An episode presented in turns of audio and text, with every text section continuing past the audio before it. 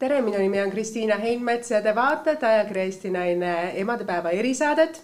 tänane saade on meil eriline sellepärast, et seda me hakkasime planeerima jaanuarikuus, aga seoses erinevate koroonaviirustega ette nähtud reeglitega ja samamoodi ka see, et viimasel hetkel oli inimesi, kes olid olnud lähikontaktsed, saatsid alles hommikul kell üheksa sõnumi, et ma ei saa kahjuks olla kahe tunni pärast siin stuudios saates, tulime saade edasi lükata, nii et mitu kuud me oleme planeerinud, planeerinud, aga siin me nüüd oleme ja ma alustaksin tänast saadet võib-olla ühe sellise erilise lausega, mis seostuks ka emadega ja väga ka nende naistega, kes siin laua taga istuvad. ema, kust tulevad sõnad? Sest Eesti populaarsemate ja suurimate ajakirjade peatoimetajad on need, kes täna siin laua taga istuvad ja iga sõna, mida meie naiste, tütarde, emade või vanaemadena loeme Eesti ajakirjadest, on tihti käinud kontrollsõna või kontrollimise läbi just nende naiste. iga sõna, iga lause, iga mõte, mida me loeme tihti Eesti ajakirjandusest, on just tulnud mõnes mõttes ka nende sulest või nende mõtetest või nende ideedest nii et tere tulemast, naised, kes te olete kõik siia tulnud, lõpuks oleme suutnud kõik need asjad koordineerida, et siin me nüüd oleme. ajakirja Anne ja Still peatoimetaja Mari-Liis Helvik, tere. tere, tere, aitäh kutsumast. Kertu Jänese, ajakirja Pere, Pere ja Kodu peatoimetaja. tere. ja loomulikult äh, Oma Maitse peatoimetaja. tere ja Heidit, tervist, tervist jälle. tere, tere. -hmm. aga alustame siis tänase oma saatega, et kui me mõtlesime seda saadet, siis me oleme nende ajade jooksul väga mitmeid teemasid käsitlenud ja erinevaid küsimusi esitanud ja erinevad naiste jaoks olulisi teemasid siis arutanud. ja just viimane kord, kui ma saatsin küsimuse, et mida me võiksime siis täna siin saates rääkida, siis äh, sina, Kertu, andsid väga armsad mõtted ja asjad, et tegelikult kui Eesti ühiskond on arenenud juba sinnamaani, et me naistena kuidagi oleme aktsepteeritavad, et meil on erinevad valikud, meil on erinevad rollid, meil on äh, nii head kui halvad küljed, ei ole õiget valikut, et see valik, mis meie naistena teeme, et see on õige, et selline nagu laiem pilt kui naise, naist naist vaadates nagu Eesti ühiskonnas on nagu normaalsuseks muutunud. aga kui me saame emadeks, siis me peame olema ka kuidagi need ideaalsed supernaised ja selle rolliga olete teie ka ajakirjas ka väga palju mõnes mõttes võidelnud ja proovinud seda ümber lükata, et olenemata, isegi kui me emaks saame, on ka meil kõik need õigused, mida meil on nii inimese kui naisena jah, et äh, see on tõsi, et äh, minu üks äh, hästi suur soov on olnud pere ja kodu peatoimetajana tükk tüki haaval seda edasi anda, et me oleme kõik hästi erinevad, et kui me emadeks saame, siis me oleme ema, emadena ka erinevad ja see ei tähenda, et üks äh, viis olla ema on parem või halvem kui teine, vaid lihtsalt erinevad. et millegipärast sa ütlesid jah, väga hästi, et, et naised on justkui erinevad, aga kui nad nagu emaks saavad, siis nad peaksid justkui kõik hakkama ühtemoodi käituma ja üht, üht, ühtemoodi valikuid tegema. täpselt sama kaua imetama lapsi, täpselt äh, samal vanu, samas vanuses neid lasteaeda panema, et et äh, tegelikult on hästi palju erinevaid viise olla ema. sellist reeglit ja sellist öelda, kui me saame emaks, siis tegelikult ei anta ju meile kasutusjuhendit. et äh, emaks olemine tähendab täpselt selline, nagu me paneme üles mõnda lampi või monteerime kokku IKEA mööblitükki, vaid emaks olemine ongi ju tegelikult mõnes mõttes looming ja katse-eksitusmeetod, kasvamine oma lapsega, kes võib olla vahest ka väga erivajadusega või erisusega ja me kõik ei oska ju seda ette näha. absoluutselt kui sa vaatad oma seda tagasisidet just nagu lugejatelt, mis on need põhiküsimused ja teemad emadepäeva seoseks või emaks olemisega, kõige suuremad mured? tead, ma ütleksin hoopis niimoodi, et äh, kõige rohkem me saame alati tagasisidet siis, kui äh, me kirjutame asjadest nii, nagu nad meil kodus on, et kui me ei loo mingit sellist pilti, pilti ideaalsest emadusest, ideaalsetest kodudest mm, vaid. me äh, julgeme olla lihtsalt emad, öelda, et me täna ei jaksa, me täna nutame. me täna ei jaksa selle beebiga mängida, me anname talle selle iPad'i ette, et me just. ideaalseeri, et lapsed loevad meil ainult raamatuid. just, absoluutselt, et kui me julgeme rääkida nendest äh, kõikidest hetkedest, mis meil emadena ette tulevad, äh, siis äh, need on alati lood, mis pälvivad kõige-kõige äh, rohkem tagasisidet ja tänu.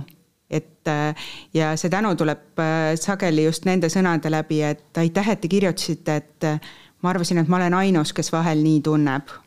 et kõik, kõik justkui tunduvad ümberringi, eriti sotsiaalmeedias, nii ideaalsed emad see on absoluutne nõus, et äh, see ideaalsus on nagu millegipärast Eesti ühiskonnas sees, et eksida ei tohi, eksimine ei ole nagu õige, eksimine on vale ja selle, kuidas öelda, tunnistamine vajab väga suurt julgust ja mõnes mõttes ka eneseületust ju.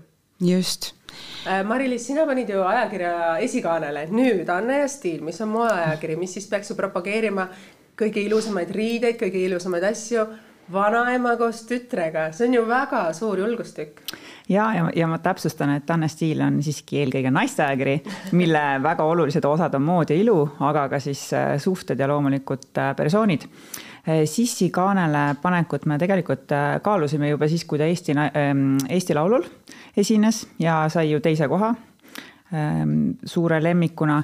aga miks vanaema, me selles numbris üldse, mai numbris ähm, tõstame esile väga erinevaid naisi, väga erinevas pikkuses, kaalus, vanuses, et see on selline naiste läbilõige nii-öelda. ja kuna emadepäev, siis me mõtlesime, et me ei ole mitte kunagi pannud äh, kaanele vanaema Täpselt, koos lapselapsega.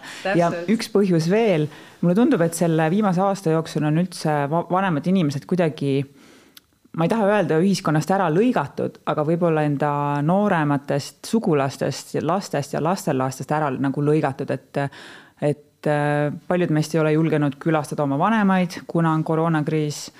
Ähm, et, ähm, et kellel veel vanavanemad on alles, siis äh, ikkagi ma julgustan leidma neid viise, et nendeni jõuda ma arvan, et ka see koroonaaeg on võib-olla teinud midagi sellist, mida ei olnud enne, et needsamad vanaemad ja vanaisad on ära õppinud, mis asi on Zoom, mis asi on Messengeri videokõne, et saab ka oma telefoniga seda teha, nad on endale muu muretsenud need nutiseadmed ja nad harrastavad nende, kuidas öelda, kasutamist väga hästi ja uskumatult hästi.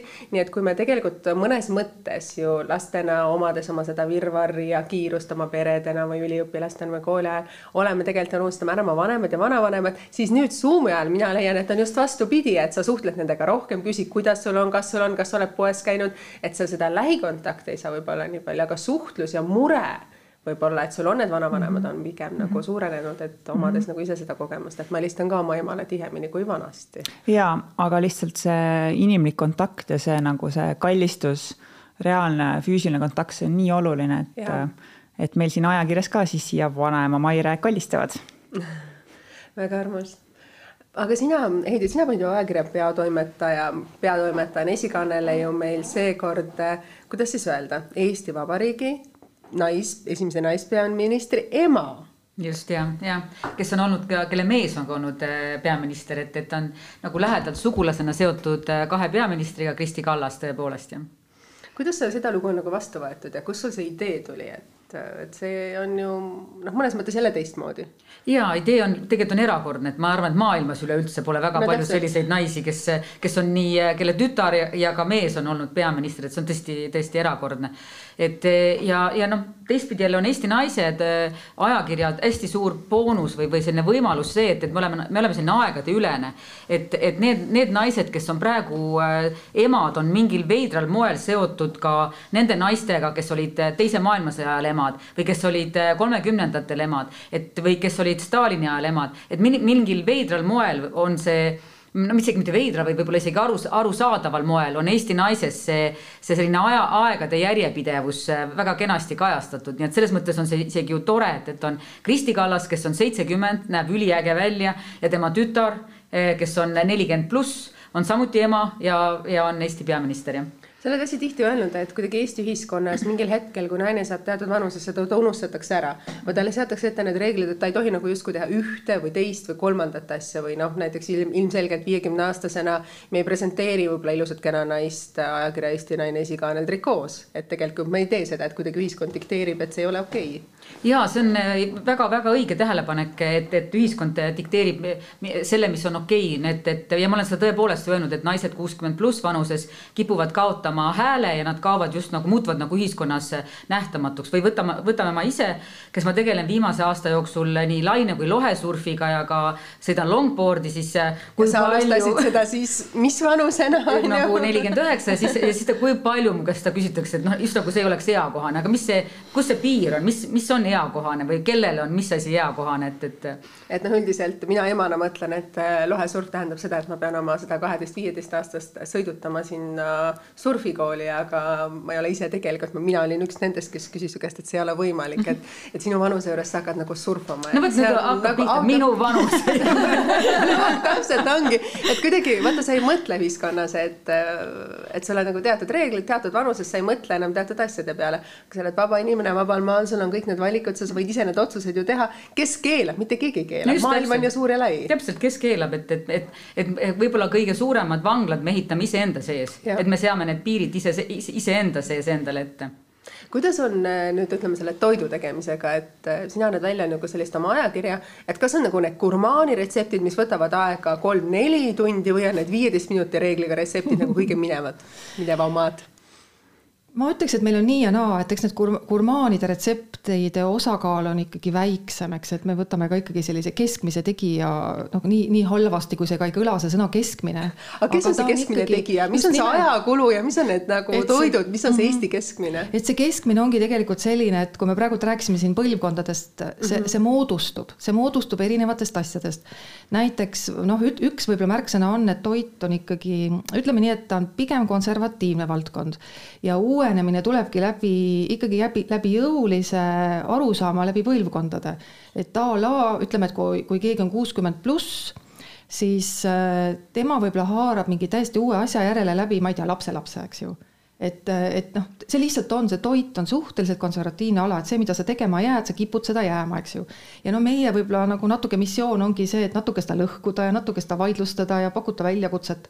et see keskmine tulebki pigem sellest, et ma ei tea, vanusest kaks, kaksteist kuni, kuni seitsekümmend, eks ju, et, et mida siis keegi enda jaoks avastab. kui, kui tähtis ei... on ajakulu, kui tähtis on ka nende retseptide juures ajakulu mm,? vot see on jälle, ma olen veebis ka nagu kaheksa aastat äh, konkreetselt ainult ühe veebiga tegelenud, et seal oli nii hästi näha, kuidas mina ei saa inimese üle otsustada, kes otsib viisteist minutit, kes otsib just praegu, avastas selle kõige raskema asja ja ta võtab selle ette ja, ja, ja, ja hakkab seda tegema, eks ju.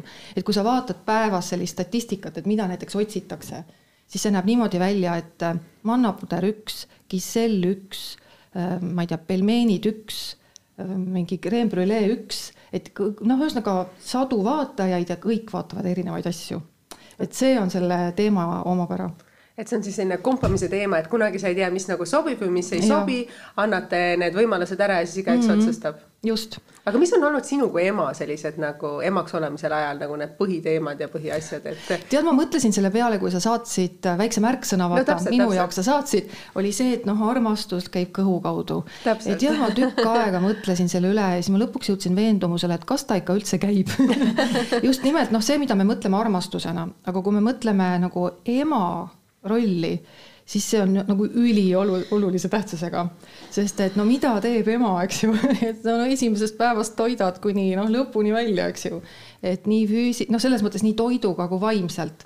Et ähm,. ja tegelikult on need maitsed ju, mis on mõnes mõttes meie enda oma maitsed mm, -hmm, mis jäävad ju ka tulevikus meie enda sisse, mida me anname ka edasi oma lastele, kas või see kõige lihtsam, kuidas me teeme hakklihakastet, kes teeb hapukoorega, kes teeb äh, jahuga, kes teeb lihtsalt äh, tavalise vahukoorega. vähe sellest on ju uuritud, et kui sa kannad last ta juba, tal ju maitsemeel, ma ei tea, mis viies-kuues kuu või millal see juba tekib, eks ju, et ta, ta juba sööb kõike seda, mida ta tunneb, need maitsemeeled juba siis arenevad. Siis mul on kuskilt meelde jäänud, et Indias pidi vastsündinu põhimõtteliselt talub paremini vürtsikust kui, kui Eesti beebi. just, et see tuleb kõik sul nagu kaasa, eks ju, et ja nüüd see ema roll, eks, kui sa hakkad mõtlema, et mida ma söön, kuidas ma söön. mul on lapselaps pisikene ja no me, see on ka selline, et mis näo sa teed, kui sa midagi sööd. et kui ma nagu hullult ajan isu peale, ma räägin ta ära. koos reklaamiga. jah, et kui ma nagu hakkan ise ka natuke seal noh vot see on see siis, mis, mida, mis see ema roll on, et ta tegelikult loeb emotsioone. ta vaatab su näost. kas võib ma korra ütlen ka vahele, et, et minu meelest on Eesti, vähemalt Eesti naistel on küll hästi iseloomulik see, et, et, et emad väljendavad oma armastust läbi toidu. et tuleb nagu laps külla, kes elab näiteks eemal kusagil mm, -hmm. siis kõige enesestmõistetavam on see, et, et, et no, ema hakkab süüa tegema, jah, täpselt, ema hakkab süüa tegema. kusjuures noh, mu enda ema on enda armastust niimoodi väljendanud, et lähen Tartusse talle külla, loomulikult kotletid, söögid valmis. nüüd vaatan, et tütar tuleb Tartust ja eelistab. ja mida ma teen mida sa täna süüa soovid on esimene küsimus ja sa lähed poodis, ostad need ained ja sa teed. ja, ja vähe sellest, sa teed, sa üritad, sa ikka pingutad niimoodi, et oi, see sööb seda, tema, ma ei tea, poissõber sööb seda, tema tüdruksõber sööb seda, sa ikka kõikide nende detailidega proovid arvestada, no loomulikult sa jooksed lõpuks umbe ja, teed nagu midagi, selle, leiad mingeid otsuseid teed, eks ju. ja see on jälle, me tuleme siia perfektse ema kuvand, et me tahame olla need perfektsed emad. Ja tegelikult me võiks öelda tütrele, nii tore, et sa tulid, lähme restorani, sest siis me oleme võrdselt, ka me saame emadena puhata, me saame kodust välja ja me saame nautida tegelikult koos tütrega hoopis teist keskkonda. ei tea, see, selle, see tegelikult ma, ma, ma olen ise hämmastunud seda joont endas leides, et kusjuures see oli just nüüd sellel kevadel ma avastasin selle, et, et, et tuleb kahekümne aastane tütar külla ja ma küsin, küsin ta käest, mida ma teen, kas sa tahad šnitslit või, või mida või kartuliputru on ju, et, et, et kust see minu sisse sai, et ma pigem olen ennast ette kujutanud, et ma lähen restorani, aga näed, vaata ikkagi see on midagi väga universaalset. aga tead, sealt tuleb mingi, mul tuleb üks lugu meelde, et äh, ma tegin borši kodus täiesti nagu me teeme hoopis kartuliga ja noh, natuke sihuke oma perekesk, ikka mm -hmm. nagu noh, on igal perel oma retsept mm. -hmm. ja, ja sööme seal ja siis tüdruk ütleb mulle niimoodi, et emps, kuule, tead, kui ma olen viiskümmend, et tee ikka veel sedasama borši mm. -hmm. mingi kodumaised. ja ta on ise ta noh, ka pea mm -hmm. noh, kaks üle kahekümne, eks ju, et, et selles mõttes seal jääb mingi mm, -hmm. mingi kohustus nii-öelda, mis on nagu hea kohustus, sa ei võta seda mingisuguse taagana, eks ju, et see, see on, see on teistmoodi. on teistmoodi, et ja kui me tegelikult siin istusime alguses kõik koos siis me, meil oli üks, üks asi, mis meil tuli, oli see unustamine, et mida me emadena unustame ja palju me unustame.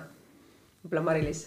ma ei ole ema ei oska öelda. vabandust, selles mõttes jah. aga ma tahtsin täiendada veel eelmise ja. Mm, teema kohta, et minul on ka näiteks veel selline ema, kes tuleb mulle külla ja tal on ka siis toidud kaasas. kuigi mina võin olla ka enda asjad nagu ette valmistanud, laua katnud, et tal on siiski, et tal on seda ja teist ja kolmandat, kas ma ikka seda olen proovinud ja seda, et et ma, äh, veelgi selle, enam nagu selles suhtes ma ütlen, et äh, mina kaklen ka natukene oma emaga selles mõttes, et äh, ma kutsun ta ka külla, ma katan laua ära ja siis ta tuleb, tal on see asi kaasas, tal on see asi kaasas, et seal on see asi kaasas. ja siis esimesed viisteist, kakskümmend minutit, mitte ma ei kutsu neid vanemat, vanemaid ilusti, kuidas öelda, et nüüd istume lauda, vaid ma hakkan uuesti katma. Need asjad ma pean siia taldrikusse panema, need asjad ma pean ära panema, pane, pesema, panema sinna teise asja juurde, ma tahaks ka, et ema tuleb minu külla, ma saan talle pakkuda seda head olemist, et nüüd istume istume koos maha, ei, ma pean veel hakkama edasi kokkama, sest need noh, need asjad vajavad ennast ka serveerimist, et sa ei pane ju kilekotiga. aga mulle see selles mõttes so sobib, et ma olen täiesti temaga ühel meelel, et küll küllale liiga ei tee mitte kunagi, mis puudutab head toitu ja tõesti, ta toob nagu parimaid asju aga mina tahtsin ka kusjuures äh, toidu kohta veel seda öelda, et äh, minule näiteks äh, mm, meeldis süüa teha palju rohkem siis, kui mul ei olnud veel lapsi. et äh, siis, kui see oli kuidagi minu oma vaba valik, et millal ma seda sööki teen ja mida ma täpselt teen, et siis oli see kuidagi nagu vabam ja mängulisem, et äh, kui sellest saab nagu kohustus, siis äh, vahel see noh, õnneks muidugi tänapäeval on kõik Woldid ja Boltid olemas, et keegi see hetk, kui sa parasjagu ei jõua süüa teha ja tahad lastega selle asemel lugeda, siis lihtsalt tellid mm. -hmm aga läheks ikka tagasi selle unustamise teema juurde, sest äh, enne kui me hakkasime seda saadet tegema, see teema tekkis meil õhku ja ma ütlesin, et, et oot-oot-oot, ärme seda siis nagu lahka, et teeme seda siis otse siis siin saates, et me ennem ei räägiks seda teemat lahka, ei lahkaks seda teemat, vaid et see oleks uus ja värske. me ütlesime, et me unustame. Mhm, ma kolme lapse emana võin seda öelda, et, et see on ilmselgelt äh, üks äh, stressisümptomeid. et äh, kui, kui ikkagi nagu katel ikka väga üle käib, et siis on selge, et, et, et aju hakkab mingeid asju nagu tahaplaanile lükkama, et, et, et ma, ma juba tean seda, jah, et kui, kui unustamist on liiga palju, siis järelikult on stress päris suureks läinud. Kertu, kuidas, kuidas teie ajakirjas on see teema nagu käsitletav ja kui palju nagu see on üleval? sest ma niimoodi ajakirja seisukohalt ei oskagi öelda, mul endal tuli lihtsalt kohe üks näide, et minu arust see on emaduse juures üks ebameeldivamaid asju, kui sa avastad, et äh, su lapsel on lasteaias pildistamine ja kõigil lastel on valged pluusid ja äh, kikilipsud ees. et see pole ainult minuga juhtunud. jess, ja siis äh, sa äkki avastad, et tal on need kõige vanemad lasteaia dressikad jalas ja mingi suvakas pluus ja siis õpetaja vaatab, et oi, et meil oli täna pildistamine. ja siis sa mõtled issand, kuidas ma sain selle unustada ja sama kiirelt oled muidugi kodus nende riiete järel ja tuled, tood uued riided, et seda on minuga küll juhtunud, et äh, see on päris. Äh, mina olen alati mõelnud, et kuidas teised suudavad niimoodi, et nad ei unusta aga ma mõnikord olen ka mitte unustanud, tõsi, et äh, aga elu on näidanud, et noh, kõik peab ikkagi olema detailselt kalendris kirjas tööasjade vahel, et lasteaia pildistamine ja nii edasi. Aga ma küsiks võib-olla sellist asja, et kui me oleme mm, emadena või kui me nagu naiste nagu neid erinevaid rolle ja kohustusi nagu täidame, et mis on võib-olla need detailid, mida me ise oma emadelt oleme nagu kaasa võtnud ja mida me tahaks nagu oma lastele anda või, või mis on nagu need reeglid või need teemad, mida me hiljem avastame, et issand, ma olen nii oma ema moodi ja miks ma nagu sellist asja nagu tegelikult teen, et ja siis sa vaatad, tood paralleele, et aga mu ema tegi nii ja see kuidagi tuleb sealt, et isegi kui sa ei mõtle nende peale, see on kuidagi automatiseeritud sulle sisse. Et Mari-Liis ma kindlasti ütleksin esimesena headus, mis on tegelikult selline hästi-hästi levinud ema sünonüüm, et ema on ikka keegi, kes on selline väga hea.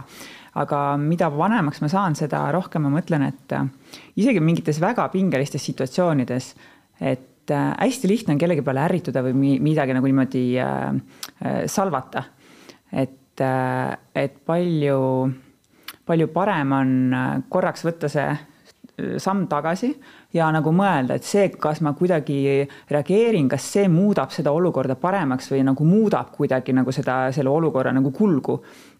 et kui äh, lähtuda nagu niimoodi äh, heasüdamlikult, minna avatuna, aga nagu kõige keeruli-, keerulisem, kõige keerulistemasse situatsioonidesse, siis ma arvan, et see tegelikult see tulemus on nagu parem et vot minu ema kohta ma võin küll öelda, et ta nagu hästi selline hea, et ma isegi ei ole kuulnud, kui ta kellegi peale karjuks või või kuidagi nagu enda häält üldse tõstaks, et see on küll nagu selline vot, nagu rahulikkus ja headus, et see on küll. Tegelikult see salvamine ja see üks vale sõna võib ju tegelikult rohkem teha haiget kui kogu see tegu, mida sa valesti tegid mm -hmm. või mhm. kõik see situatsioon, kus sa oled, et mm -hmm. ainult see üks ärritav lause või see teeb rohkem aega, et sa ise astud nagu tagasi ja sa nagu ei tahagi võib-olla pigem seal situatsioonis mm -hmm. olla ja enam nagu rääkida, et see paneb mm -hmm. tegelikult ju sind mm -hmm. ja kui last ka lukku mm. -hmm. ja ma olen ka kõrvalt näinud, mismoodi tema nagu sellistes äh, rasketes olukordades äh, on alati rahulik, et tal võib tulla juba nagu pisar silma ja ma näen, et tal on väga raske, aga ta nagu püsib alati vaoshoituna, et võib-olla see on üks asi, ähm,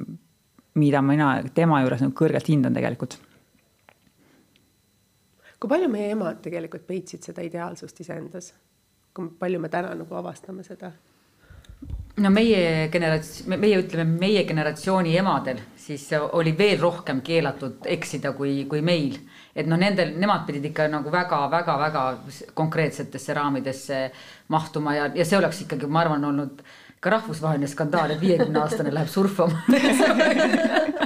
See oleks ikka ei, ei rohkem ega vähem kui skandaal, et, et suguvõsa noh, nagu keerab selja.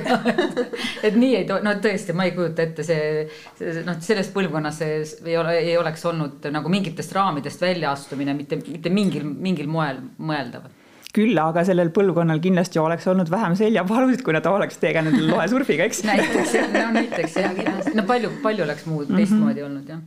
Ja kusjuures noh, sama see sinu küsimus siis, siis samas ma, mulle tundub kuidagi, et, et, et meie noh, nagu, et, et Eesti ühiskond on olnud nii suurtes muutustes eh, viimase, ma ei tea, kolmekümne, neljakümne aasta jooksul, et, et, et isegi mul on nagu raske nagu samastuda nende noh, selle ühiskonnaga või sellega, kus, kus ma ise üles kasvasin tegelikult, mis on, mis on minu oma ju. aga, aga mul on nagu ka emana sellesse raske eh, suhtestuda, aga selles mõttes on, ma väga imetlen Mari-Liisi, kes ei suhtestunudki ühiskonnaga, vaid enda ema iseloomuomadustega.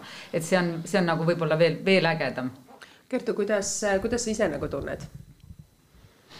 Kas mm. meie emad olid need, kes peitsid mõnes mõttes liiga palju iseendasse ja võib-olla jätsid rääkimata detaile ja asju, mida nad oleks võinud tegelikult meiega jagada, mis oleks võib-olla meid ka õpetanud paremini või andnud mõista oma vanemaid, oma ema või seda olukorda, kus me üles kasvasime ma ei oska öelda, ma arvan, et on ikkagi võib-olla teatud asjad, mida vanemad ei peagi mingis vanuses lastega niimoodi väga põhjalikult jagama.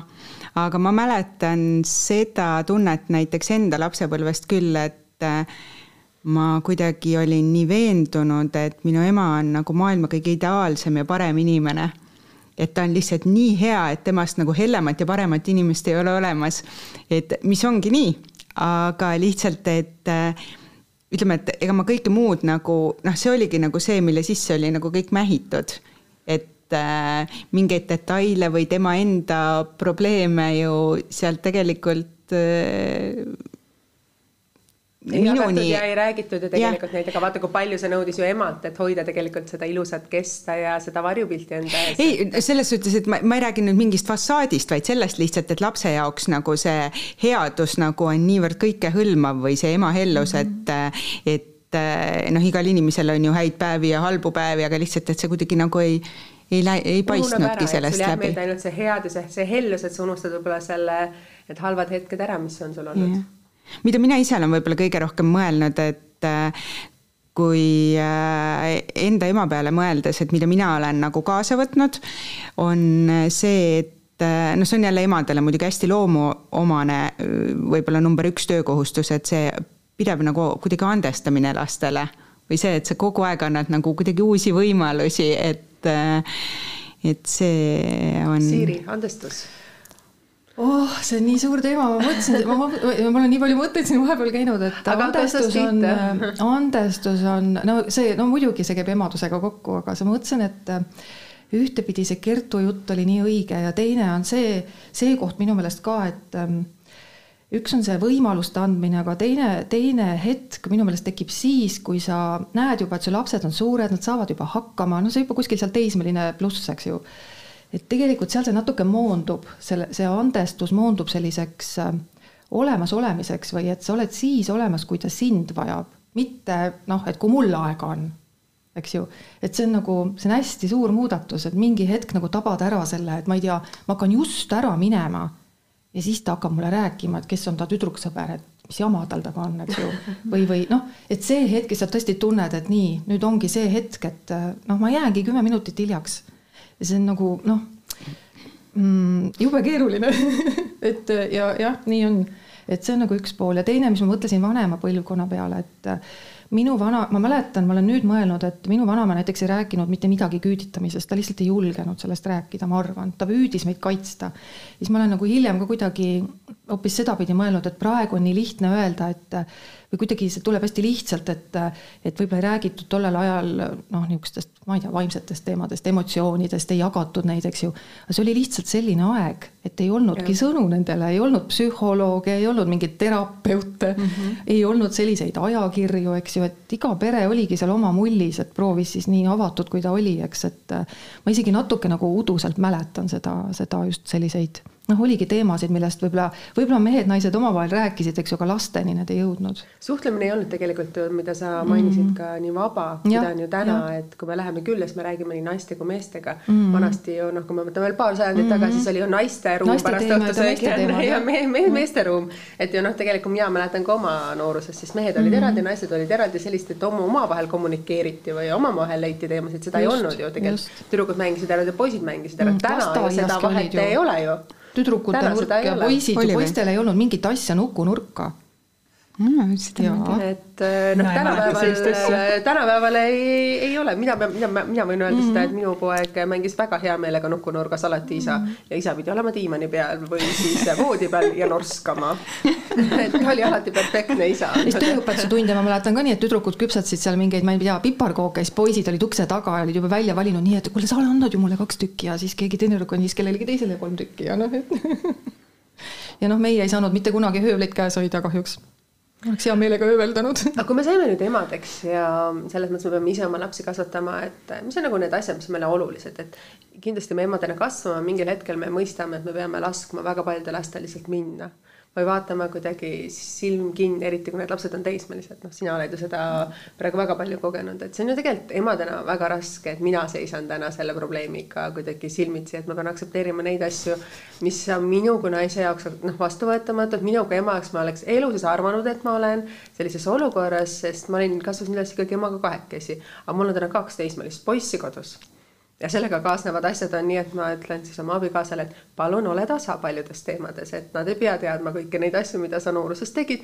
sest ilmselgelt ainuüksi nende mõtete kuulamine minuga teeb mul, kuidas öelda siis harjapunaseks, et millega poisid siis tegelesid, siis mis oli kuidagi samamoodi nende soorollide jagunemisega minu seest nagu varjatud. ja kui ma seda kuulen, mis peaks olema poiste normaalsus, ma mõtlen, et kuidas ma emana suudan selle üle elada mina kuidagi arvan, et see võib, võibki olla üks suurimaid väljakutseid emaduses, et äh, suuta mm, aktsepteerida, leppida ja toetada oma lapsi asjades, mis äh, sulle tegelikult endale ei oleks kaugeltki mitte esimene valik, kui sa nende elusid vaatad ja, või, või et need asjad on sulle isegi vastukarva, aga et kui need on ikkagi nagu mm, sellised. osa su lapsest, ta lihtsalt yeah. nõuab neid, siis.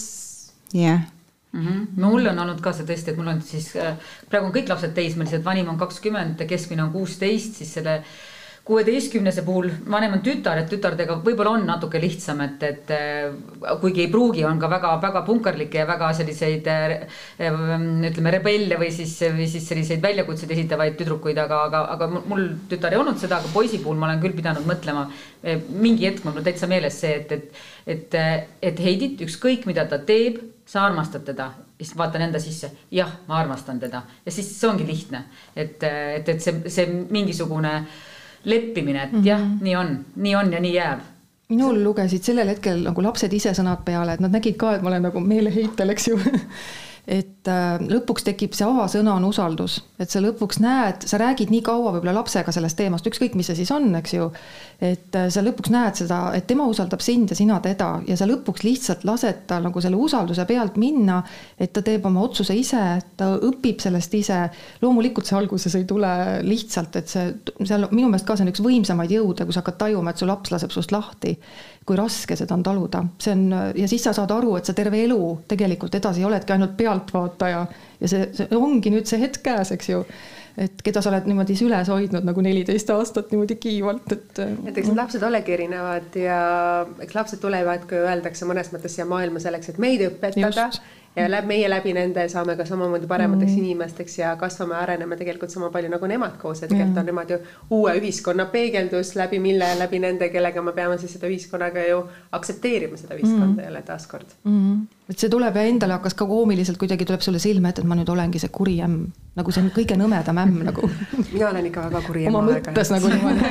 noh, kui tuleb see aeg, kus sa hakkad lahti laskma, noh, reaalselt, eks ju, kui me räägime nendest hetkedest, kui ta päriselt. mina jälle nagu mõtlen, et me tegelikult emadena peame, nii nagu me isiksustena, me oleme erinevad ja nagu sa alguses ütlesid, siis ka tajuma ära seda, et missugused, missugused on meie väärtused emana.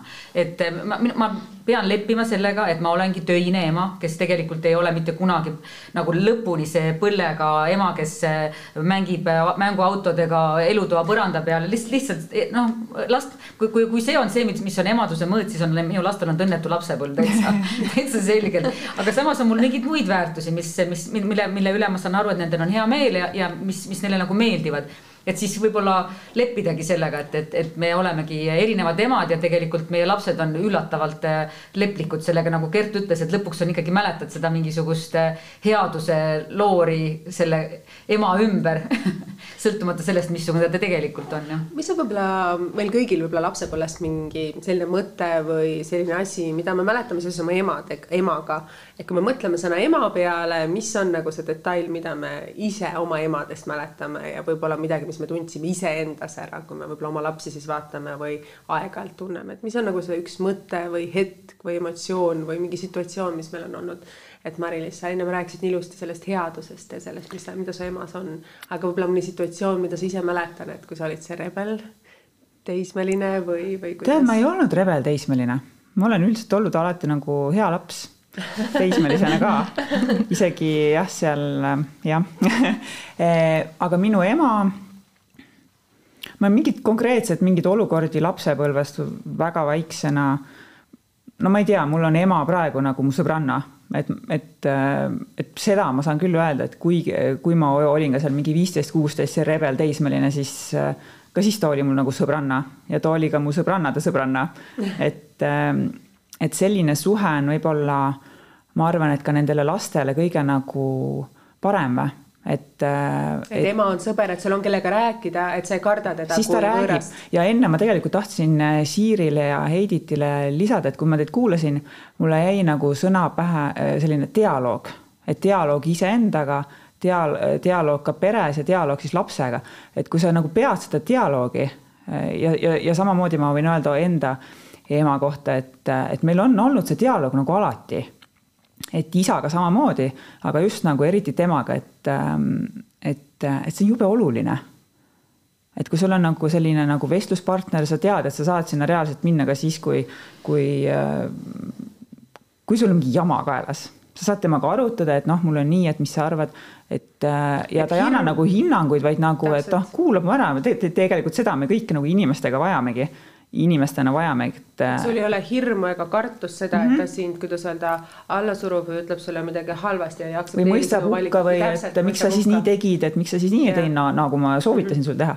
et nagu selline, et selline inimene, kellega pidada seda dialoogi, et, et ma arvan, et see on selline, selline mõnus lähenemine, et mina olen seda kogenud see on väga imeline -hmm. selles mõttes asi, et pidada emana dialoogi on aeg-ajalt pean tunnistama, minul endal keeruline praktikas vahel keeruline ja, ja loomulikult, ja loomulikult see ei ole nagu alati, alati nii, et loomulikult me oleme kõik inimesed, meil on emotsioonid, mingid olukorrad, äh, halvad päevad. et äh, noh, vahest on nagu on, aga see on ka kõikides suhetes, aga mhm. üldiselt selline, selline nagu valmidus dialoogiks, äh, see on nagu äge. no see on ühe, sihuke öelda ideaalse ema üks võib-olla komponente või mm. või detaile.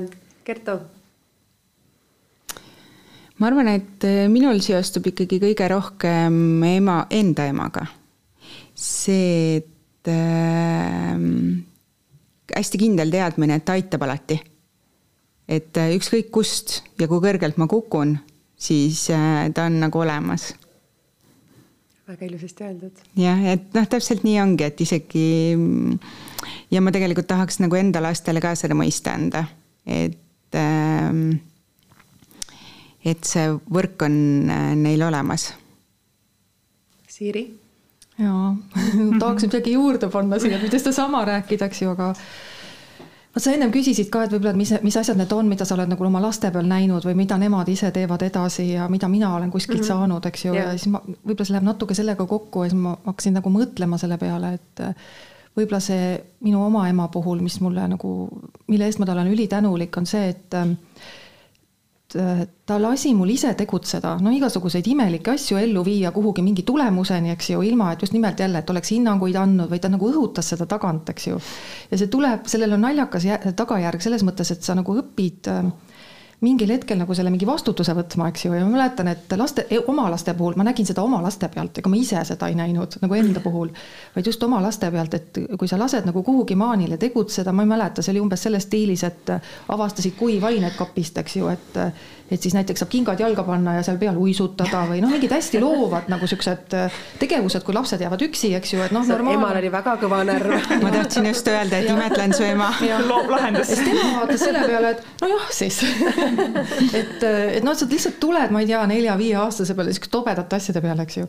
et aga ta ei, jah, ei, ei nii-öelda ei killinud ära, eks ju, seda rõõmu, mis seal sellest tekkis viieks minutiks, eks ju et, ähm, et jah, et, et siis laste puhul on ka see hästi tore vaadata, et nad ähm, kuidagi endal võib-olla jääb ka see kuidagi see julgus jääb võib-olla sisse, eks ju, et kuigi sa tahad olla korralik ja ma ei tea, mida kõike, eks ju. aga mingil, mingil hetkel hakkab see kelluke helisema, et, äh, et noh, lase minna väga, väga hästi see, öeldud, väga hästi öeldud. et ma arvan, et võib-olla see on selline, mis praegult mulle meelde tuli oma emaga. Heidit ja ma tunnistan, pole mitte kunagi elus selle peale mõelnud ja see oli päris nagu pingeline mõtlemine, sest sest ma tunnistan, et ma tegelikult väga ei sarnane enda emaga, ma julgen arvata, et, et, et me ei, ei, ei olnud head sõbrannad ega, ega noh, ka tema hilisemates, hilisemas vanuses ja, ja, ja jällegi see on nüüd see hetk, kus vaadata enda sisse ja öelda, et, temadel ongi erinevad väärtused, et, et ma tõesti, mina enda emaga ei ole saanud sõbrannana rääkida, et, et ta lihtsalt ei, ei ole seda omadust. aga siis ma nüüd mõtlen, mis on, mille poolest ma kõige rohkem sarnanen ja siis ma üllatun ja võib-olla isegi ei tahaks seda nagu öelda, aga, aga see on mingisugune, mingisuguse keskkonna loomine, mis on tegelikult isegi materiaalse keskkonna loomine. et mingisuguste asjade võim-, asjade, mitte siis nagu eh, materiaalsete asjade, vaid mingisuguste ähm, trennide, hobide võimaldamine, ettepakkumine, hariduslikult võimalikult palju noh, nagu võimaldada e,. noh, tõesti mingisuguse sellise nagu äh, Eh, keskkonna, keskkonna loomine on see, mis, mis mulle noh, nagu kõige intuitiivsemalt ehm, tuleb välja ja mis on kõige sarnane, sarnasem võib-olla mu enda emaga väga filosoofiline, filosoofiline vastus, et see pani mindki siin mõtlema kõrval ja ma arvan kõiki teisi, et väga huvitav nagu hoopis teistmoodi, et tavaliselt on sellised võib-olla lihtsamad hetked meeles, aga see oli väga filosoofiline vastus, et. aga see on lastele väga kasulik, kui on keegi selline, kes loob selle keskkonna ja, ja. nagu äh, lükkab mm. -hmm. et mine nüüd, et see on see on väga tähtis tegelikult. on, on. ma vastaks ka siis küsimusele, et minu jaoks on võib-olla usaldus see, et Äh, kuna me emaga olime väga tihti koos, kuna õde oli meil palju vanem, teda ei olnud enam, kuidas öelda, ta läks juba kodust ära mingil hetkel, et ma olin nii palju noorem oma elu peale ja siis isa meremehena oli ju need pikad kuud ära ja pigem ma väga harva nägin teda. siis ma emaga, emaga kahekesi olin ja selles mõttes nagu meeletu usaldus minu ema poolt, et tal ei olnud ju aega mind kuskile viia või tuua või kuidagi kontrollida, sest tal oli töö, ta pidi käima tööl. Äh, mina tegin oma tegemisi, pidin kõik valikud ise tegema ja see meeletu usaldus, et olenemata, mida ma emale ütlesin, mida ma teen või mida ma on, ta kõike aktsepteeris. ja just see nagu nooruses väga suure vastutuse oma elu ja oma küsimuste ees võtmine ja ta kunagi ei kahelnud minu otsustes, minu nendes tegemistes et see ongi nagu minu jaoks nagu sisse juurdunud, et kui keegi mind ei usalda, siis see on minu jaoks kõige suurem probleem ja mure või, või nagu selles mõttes ebaausus, et kuidas see nagu saab võimalik olla. ja ma ise nagu lastega proovin ka seda teha alati, et ma usaldan neid aga noh, täna sellest koroona teemast pean ütlema, et ei ole võib-olla kõige väga äh, parem asi, mida ma olen emast kaasa võtnud, et poiste usaldamine teinekord ei lõppe väga hästi. Et, et nagu selliselt, aga meil on pühapäeval on emadepäev, et mis on nagu see asi, mis teil nagu emadepäevaga nagu seostub, et minul on väike probleem, ma olen oma toa nüüd niimoodi ära koristanud, et ma tavaliselt alati emadepäeval panin need äh,, kuidas öelda, makaronistest tehtud käevõrud ja sellised pärlitest tehtud käevõrud ja isegi üks äh, kiilikesest prossike on mul alles, ma tavaliselt alati neid üritasin kanda, neid ehteid ja ma ei leidnud neid täna hommikul üles, nii et kuhu ma nad olen siia talve jooksul ära pannud, ma ei tea, aga noh, mul on nagu selline asi, et mul on oma karbikene, kus ma siis hoian neid asju, aga nemad, siis ma võtan need välja ja aeg-ajalt nagu noh, kuidagi kannan neid või näitan, et need on olulised. no täpselt noh, et äh, minu enda jaoks on nagu emadepäev nagu meenunud see, et alati lapsed mingeid asju, ma mäletan seda esi, esimest ema pilti, mis oli seal lastes äh, selle kapikese peal ja kui kui ilusad sellised äh, suukene mul oli ja turrisiuksed ja need ikka sinispäevad, et, et kuidagi need hetked meil jääb ema, emadena jäävad nagu sisse ja mida me nagu meenutame ja asjadega, et, et kui nüüd emadepäev on minu jaoks, siis minu jaoks on see nagu kui mina kasvasin suureks, emadepäev nagu nii palju pole tähistatud, et siis emadepäeva tähtsus ja olulisus on minu jaoks tekkinud alles, kui mina sain nagu emaks ja noh, nüüd olles ema, siis võib-olla äh, proovides nüüd seda tähistada ka oma emaga nüüd alles, aga noh, kui sa oled mitte ema veel alles, siis sa võib-olla ei pööra sellele, ei pea seda nagu nii väga tähtsaks, et see on nagu minu enda arusaam ja mõtted siis sellest emadepäevast, et kuidas siis teil on, et mis emadepäev siis tähendab teile? Mari-Liis no loomulikult ma ostan oma emale kingituse ja teen talle koogi no,. et ma ei oska öelda, kas see emadepäev tähendaks mulle midagi muud, kui ma oleks ise ema. aga ma võin küll öelda, et me oleme alati emadepäeva tähistanud. et äh, sõltumata nagu sellest, mis, äh, et kus keegi on või ma ei tea, kui keegi on kuskil reisil ära või kuskil kaugemal, siis alati on olnud nagu ikkagi kas siis äh, järele tähistamine või nagu ette mõtlemine sellele, et emadepäev on ikka minu meelest ühiskonnas ikka nagu selline suurelt tähistatav oluline päev ka neile kõikidele, kes ei ole emad või kes ei ole valinud olla emad või, või ma arvan, et see on ka ühelt poolt nagu valus päev. just nendele, kes, kes siis mingil põhjusel ei saa olla emad. ja ka nendele, kellel siis ema on näiteks lahkunud jah, ma olen et... seepärast lugesin täpselt samamoodi seda artiklit, et see emadepäev on kuidagi võib-olla mõnes mõttes meil ühiskonnas ületähtsustatud, et me räägime sellest, aga me unustame ära võib-olla selle osa ühiskonnast, kes ei saa seda tähistada enam või kellel ei ole põhjust ise enam seda tähistada, et ta ongi nagu üksinda, et tal ei ole neid emasid enam, kas ise olla ema, omades ema või ise olles ema, et see on tegelikult ja. mõnes mõttes mure, mis jälle kerkib jälle selle ja. suure pidustusega esile. aga ikkagi ma arvan, et äh, kõigele vaatamata, kui mõelda, kui mõelda kasvõi oma ka nei-, ka nende peale, kelle näiteks ei ole enam ema, et siis äh, mingisuguse hea mõtte leiab ta kohta ikkagi ja kasvõi ka vanaemade kohta või ma ei tea, vaadake lihtsalt pildialbumeid või pange see küünal või, või lihtsalt äh, küpsetage kodus kook, et äh, ka siis, kui, kui kodu on koogilõhna täis, siis no mingisugune mälestus emast tuleb sinna tuppa väga ilusti öeldud. Kertu, emadepäev ajakiri Pere ja Kodu peatoimetajana. ma pean tunnistama, et äh, mina ei ole väga tähtpäevade inimene vist, aga emadepäeval ma arvan, äh, ütleme ise emana kõik see, mis äh, mida ma ütleme, ootan või ma tean, et mis tuleb nagunii ongi jaoks nagu see kõige kallim, et need on needsamad makaronidest tehtud käevõrud ja need laste pildid ja kallistused ja mul on tunne, et täpselt see ongi see emadepäev. Ja mõnes mõttes mul ongi tunne, et seda mõnes mõttes on nagu rohkem lastele kuidagi isegi vaja või et nemad nagu, neile meeldib ju nii hirmsasti neid äh, vahvaid äh, asju teha ja kuidas nad äh, lasteaedades ja koolides neid nii suure põnevusega juba mitu nädalat võib-olla ette valmistavad, et äh, et äh, aga, aga noh, mul on nagu tunne, et äh, jah, et, et kuidagi see üks päev ei ole võib-olla minu jaoks nii tähtis aga samas oma emale ma kindlasti alati, kui me ei saa koos olla, kuna me ei ela eri, kuna me elame erinevates linnades, siis ma alati talle helistan, alati äh, ütlen, kui kallis ta mulle on ja ma ei tea, ja sellest nagu piisabki täiesti kas on mõtlemine ja korra üks telefonikõne teha, täna siis äh, kindlasti Zoomi kõned ja need Messengeri kõned, mhm. mida meie vanem generatsioon on ju kõik ilusti-kenasti juba selgeks saanud ja,. Jah, jah, et äh, aga jah, suur, suurt rohkem ma ütleme tähtpäevadest ise nagu ei, ei oska, ei oska nagu pidada nii väga neist võib-olla. Siiri? Ah, mõtlen ka, et see võib, võib-olla see, see päris see pidu ei ole nagu jõuluajal, et katod hullult laua ära, eks ju aga ta on, äh, emotsioonide mõttes on ikkagi peaaegu et sama selles mõttes, et ähm, sa ikkagi ootad, et kogu see pesakond nagu kokku tuleks, eks ju, et äh, minul on üks last, lastest on, eks ju, ka teises linnas. et äh, sa salamisi ikkagi ootad, eks, et kui sa siis, ma ei tea, helistad siin vahepeal ja siis ta tegelikult hakkab juba vihjama, et noh, et kuule, ma kahe nädala pärast tulen, eks ju.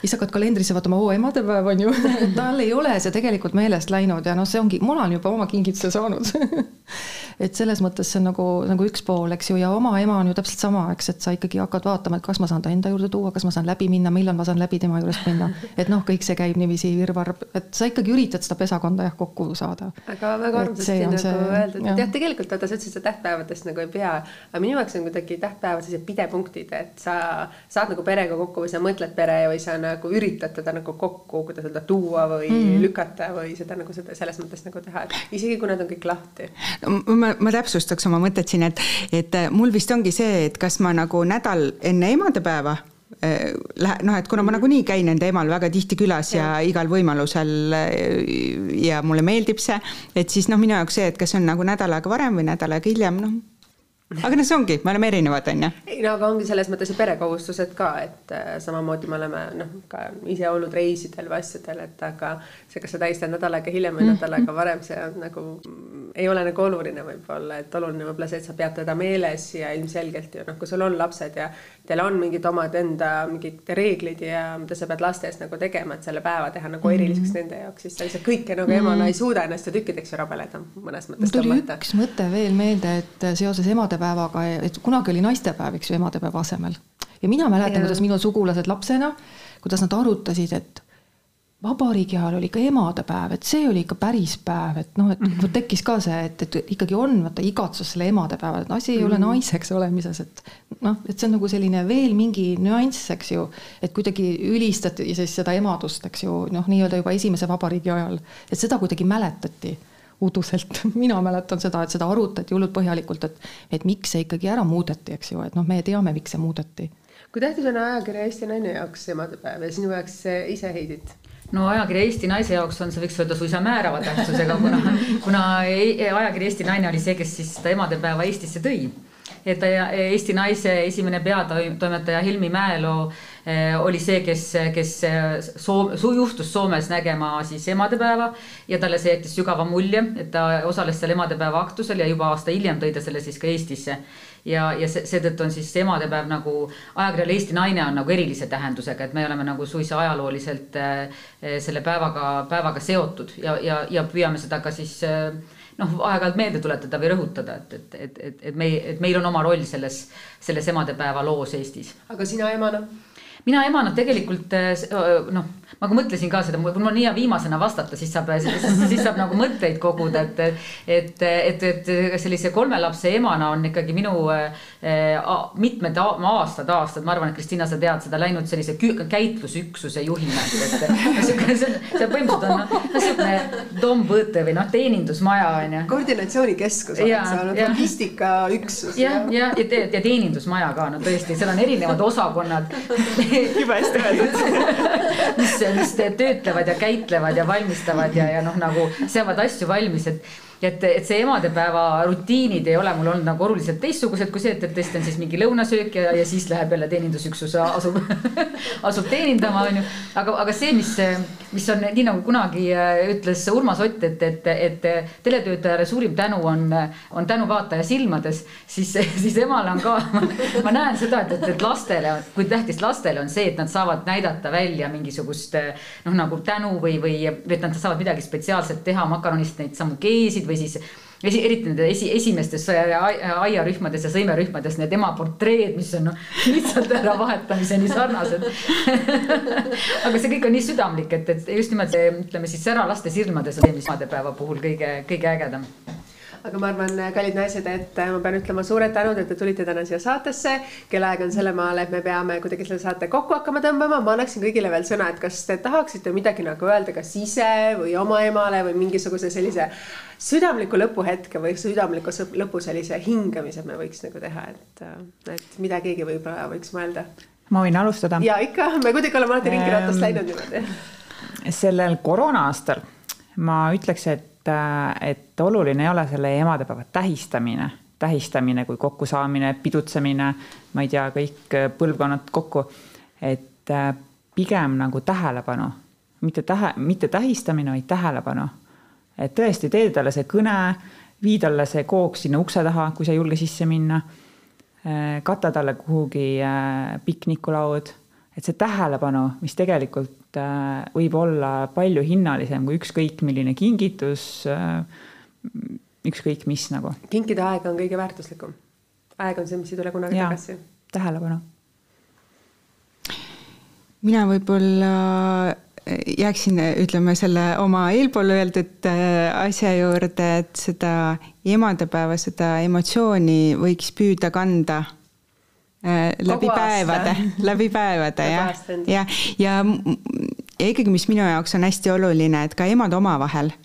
Et mitte ainult see, et mina olen ema kellelegi ja minul endal on olemas ema, vaid see, et äh, erinevad emad omavahel ka üksteist nagu äh, toetaks, aitaks. toetaksid ja, ja julgustaksid ja, ja teeksid seda just hoolimata sellest, kui nad ei ole ka sarnased, et kui neil on ühed tõekspidamised, teisel emal on teised tõekspidamised, et kuidagi nagu üksteist nagu emadena oma valikutest toetada ka siis, kui sa, see ei ole sinu valik. et vaadata oleks... emana maailma laiemalt ja,. jah, jah. väga armsasti öeldud. Siiri ma mõtleks ka, et äh, võib-olla, et mis veel võib-olla on üks märksõna, see käis ka korra siit läbi, on ikkagi see, et me kõik tuleme kuskilt ja me läheme kuskile, eks ju, et, et me, et me ei ole nagu tühja koha pealt emadeks saanud. et me ikkagi võtame niimoodi märkamatult kaasa oma vanaemadelt ja emadelt ja, ja loodetavasti võtavad meie lapsed meilt need paremad asjad loodetavasti. et kuidagi jah, võib-olla, et lihtsalt võib-olla sellel päeval on võib-olla mõnus mõtelda ka selle üle, et mis mina olen saanud ja mida mina edasi tahaks anda. et võib-olla midagi sellist et ma tooksin täitsa sellise võib-olla teistsuguse noodi sisse, et, et ähm, aasta tagasi, neljandal märtsil eh, siin, see on siis eh, põhimõtteliselt märtsil mm, -hmm. kümme päeva enne es, esimese isolatsiooni algust eh, suri mu ema hooldekodus dementsena.